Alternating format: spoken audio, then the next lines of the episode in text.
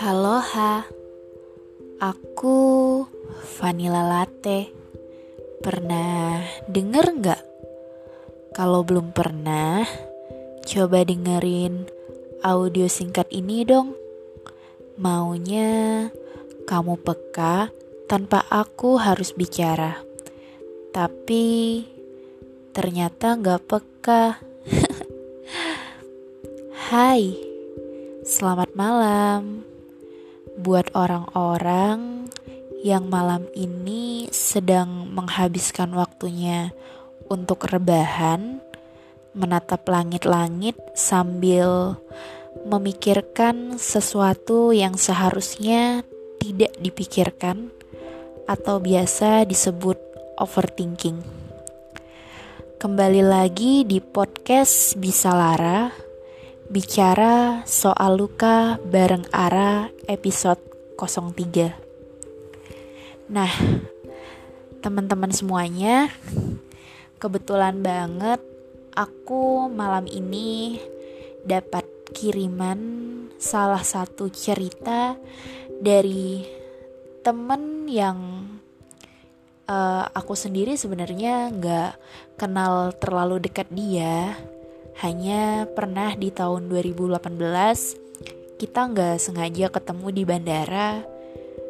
Kita nungguin waktu untuk kita naik pesawat bareng sampai sore. Nah, akhirnya kita mutusin buat tukeran nomor WA.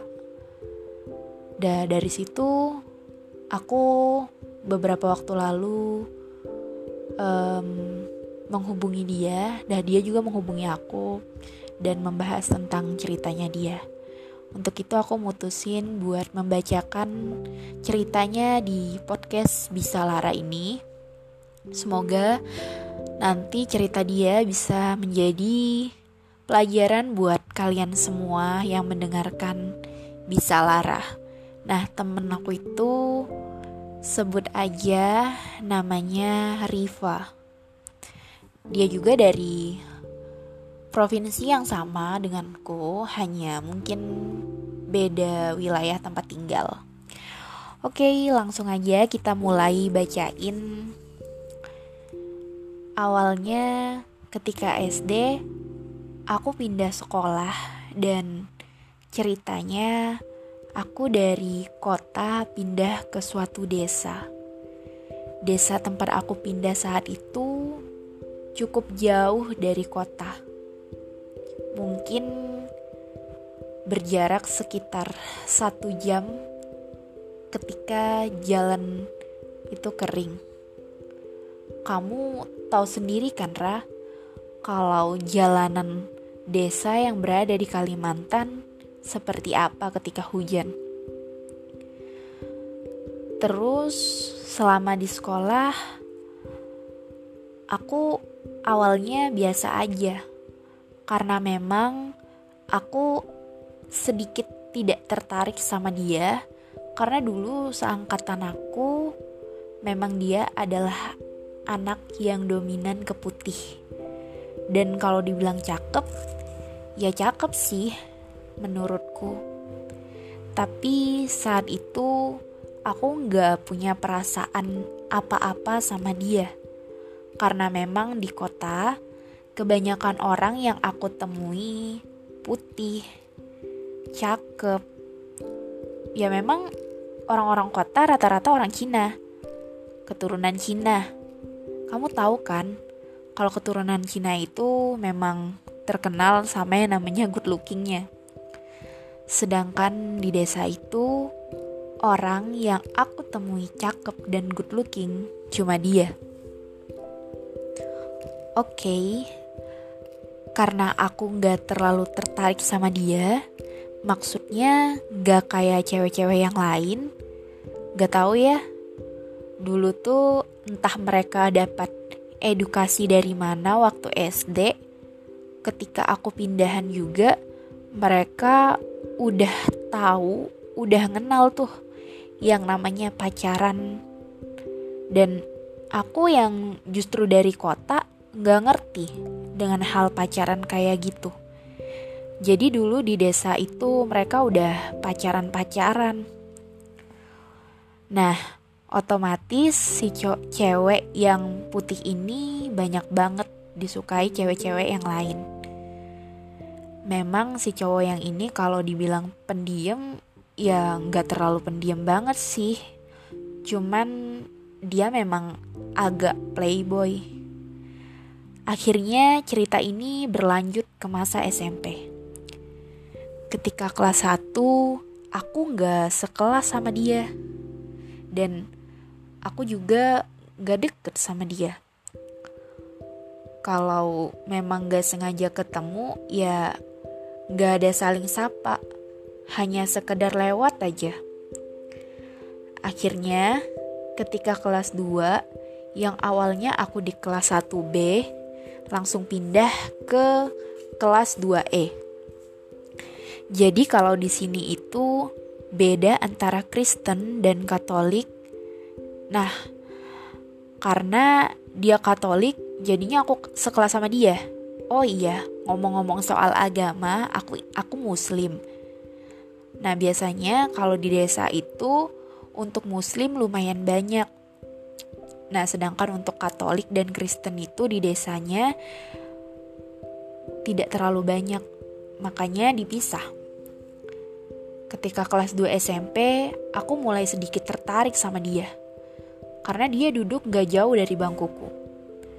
Tapi yang tadinya tempat duduknya dia berjarak dengan tempat dudukku, tiba-tiba dia duduk di belakangku. Dan saat itu dia memang sahabatan juga sama temen cowok yang rumahnya deketan sama rumahku. Mungkin berjarak 4 sampai 5 rumah. Aku di kelas 2 itu mulai baper sama dia karena dia suka gangguin aku. Ya namanya ceng-cengan lah. Tapi saat itu dia masih playboy juga sih. Masih suka pacaran sama kakel, terus putus, nanti dapat pacar lagi, dan seterusnya. Mungkin karena pesonanya dia lumayan ya. Karena satu sekolahanku sendiri bilang kalau dia itu orang yang cakep. Setelah kelas 2 berjalan, aku mencoba buat ngelaluin meskipun baper-baper itu masih ada, tapi aku bisa nahannya. Terus ketika kelas 3 Ternyata kami disatuin lagi di kelas yang sama. Padahal aku berharap kelas 3 kami pisah kelas. Tapi ternyata gak pisah kelas. Jadi ketika kelas 3 itu aku sekelas lagi sama dia dan akhirnya aku baper lagi. Ya namanya orang playboy jadi ke semua orang kayak terlalu friendly sama siapa pun. Sampai-sampai banyak cewek yang menyalahartikan perhatian dia. Akhirnya waktu berjalan setelah lulus kelas 3 aku memutuskan untuk pindah ke Jawa saat itu aku gak bilang ke siapa pun ke teman-temanku termasuk dia. Jadi selama tiga tahun aku di Jawa, kita nggak ada komunikasi sama sekali. Um, pernah, pernah satu kali, dan itu lewat nomor sahabatnya dia yang rumahnya nggak jauh dari rumahku tadi. Di situ dia telepon aku, dan emang itu sekali doang kayak ngobrol, tanya kabar, Tiga tahun berlalu setelah aku lulus SMA, aku memutuskan untuk pulang ke Kalimantan. Ketika Lebaran tiba, pada saat itu aku kayak kaget banget karena dia tiba-tiba datang ke rumah sama sahabatnya dan beberapa temen. Aku ngerasa ya kayak ternyata dia masih mengingatku. Aku ya seneng karena temen masih ingat gitu dengan aku. Akhirnya mereka main, ngobrol-ngobrol. Dan setelah lebaran, aku memutuskan untuk berangkat ke Yogyakarta dan berkuliah di sana. Saat itu aku gak tahu kalau ternyata dia kuliah di kota yang sama. Ditambah lagi kampusnya dan kampusku ternyata gak jauh. Kayak satu kecamatan. Akhirnya dari situ kami mulai dekat lagi. Yang tadinya kami hanya sekedar teman biasa, kemudian mulai lebih dari teman biasa. Saat itu perasaanku kembali hadir. Karena ketika kuliah, kami lebih dekat daripada ketika SMP dekat kayak udah sahabat ibaratnya. Dia perhatian banget, layaknya seseorang yang aku pikir dia punya rasa yang sama. Dia punya rasa sama aku. Tapi ternyata mungkin dia cuma nyaman dan hanya menganggap aku sebatas teman. Padahal aku udah nganggap dia sahabat tapi dia tidak menganggap aku lebih. Nah, saat itu pernah ada suatu kejadian yang aku berpikir bahwa aku harus jujur soal perasaanku ke dia. Di mana ketika kejadian itu, aku mikir sebenarnya dia anggap aku apa sih? Seharusnya kalau dia cuma nganggap aku teman, gak kayak gini. Dan harusnya dia gak pakai nafsu. Ketika itu akhirnya aku mutusin buat nyuruh dia datang ke kosku. Tapi dia bilang kalau dia mau jalan ke Malioboro sama teman-temannya. Tapi aku bilang, aku hanya minta waktu kamu setengah jam untuk bicara. Akhirnya dia datang dan kemudian aku memberanikan diri buat bicara kalau aku punya perasaan sama dia. Aku inget banget Rah. Saat itu dia shock. Dia gak terima sampai nyentak aku. Aku juga kaget banget lihat dia kayak gitu. Karena selama aku berteman sama dia, baru kali ini dia kelihatan marah banget sampai segitunya. Padahal aku cuman pengen ngungkapin rasaku doang, perasaanku doang ke dia. Aku gak berharap kok jadi ceweknya dia, pacarnya dia, atau mungkin istrinya dia. Aku gak berharap kayak gitu. Aku mendem ini semua dari SMP dan rasanya kayak gak fair aja gitu. Aku pengen ngungkapin perasaan aku. Abis dia nyentak aku, dia diam. Kayak, udahlah, aku mau balik. Aku waktu itu ngeliat dari sorotan matanya, kayak dia nyalahin diri dia sendiri. Kemudian dia pulang Setelahnya, setelah malam itu, setelah hari itu, ada satu masa di mana teman-temanku di Kalimantan video, video call melalui grup. Nah, teman-temanku itu tahu kalau aku sama dia itu deket. Terus ada salah satu temen yang bilang, kalau kita sepertinya sedang gak baik-baik aja. Temanku nanya, tapi aku gak mungkin kan bilang kalau kami sedang gak baik-baik aja. Nah, di situ akhirnya justru dia yang cerita. Lalu ada kesalahpahaman yang membuat aku dan dia gak ada chattingan sama sekali. Tapi akhirnya ada suatu hari dia chat aku lagi Ra. dia bilang minta maaf soal semuanya.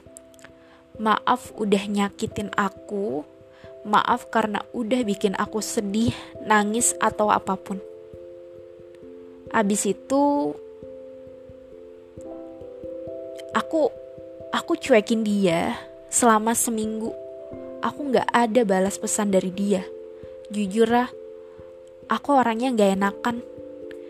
Kemudian, aku akhirnya mutusin buat chat dia. Aku bilang, aku mau ngomong sama dia setelahnya kita ngobrol via telepon. Nah, di situ kita baikan lagi. Cerita ini berlanjut. Gak lama kemudian pandemi COVID-19 datang. Aku dan dia akhirnya kembali ke Kalimantan. Tapi kita tidak pulang bareng. Ya, mungkin aku lebih duluan tidak kayak dia lebih dulu pulang ketika hari Kamis dan aku pulang ketika hari Jumat. Selama di rumah karena kita karantina selama kurang lebih 14 hari, jadi kita nggak ada teman sama sekali. Akhirnya dia memberanikan diri untuk main ke rumahku dari pulang itu sekitar dua bulanan sampai lebaran dia selalu main ke rumahku secara rutin mungkin bisa dua sampai tiga kali seminggu. Dari kejadian itu kita sering ketemu. Bahkan orang tuaku udah nganggep dia kayak anak sendiri. Padahal orang tuaku sendiri nggak tahu masalah yang aku sama dia hampir lepas kendali, lepas kendali saat itu. Karena bodohnya aku di sini pakai perasaan sedangkan dia pakai nafsu. Terus gak lama kita sedikit membahas tentang masa lalu. Dan dari situ aku dan dia memutuskan untuk menjadikan masa lalu itu sebagai pelajaran hidup lah istilahnya. Dan kita juga berharap semoga kita nggak kayak gitu lagi. Nggak ngulangin hal itu lagi. Di situ aku selalu kayak ngegalauin dia terus, kayak mikir kalau dia nggak ada perasaan sama aku, dia tuh kenapa kayak gini? Dia tuh kenapa selalu ada buat aku ketika aku membutuhkan dia? Kalau mungkin cuma sahabatan aja, gak punya rasa apa-apa, coba ngomong dari awal. Soalnya aku mikir kayak aku cuma dimanfaatin aja sama dia. Cuma jadi pelampiasan. Soalnya beberapa tahun ini dia jomblo dan gak deket dengan siapa-siapa kecuali aku. Dan ketika aku nanya, kamu kenapa sih gak nyoba buat deket sama cowok lagi? Dia justru jawab, "Aku mati rasa." Di situ aku bingung banget, lah. Sebenarnya pertemanan ini aku yang tulus ke dia, tapi kenapa atau apa dia cuma nafsu doang ke aku? Tapi begonya aku nggak pernah bisa ninggalin dia ataupun ngejauh dari dia. Dari SMP, ibaratnya aku udah stuck di dia. Aku merasa buta, aku merasa menjadi orang bego karena ada orang lain yang berada di depan yang lebih tulus daripada dia, bahkan jauh sangat tulus. Tapi justru yang aku lihat, dia yang jauh di belakang sana. Nah, itu tadi cerita dari salah satu orang temanku yang namanya Riva. Dari sini teman-teman untuk berkomentar yang lebih mungkin aku tidak bisa. Tapi kita bisa ngambil pelajaran dari ceritanya Riva. Kalau mungkin entah ya, entah dia yang terlalu banyak bercanda atau kamu yang terlalu serius. Intinya, jangan menjadi orang bodoh karena dia. Aku tahu kamu bisa kok, meskipun harus dengan proses yang panjang, karena di luar sana ada seseorang yang tulus sama kamu, menunggu kamu, meskipun kamu tidak bersusah payah melakukan apa pun untuknya. Um, teman-teman semuanya, untuk episode Bisa Lara malam ini kita cukupkan sampai di sini. Sampai ketemu di episode Bisa Lara selanjutnya bersama saya, Ara. Sampai ketemu dan sampai jumpa. Bye bye.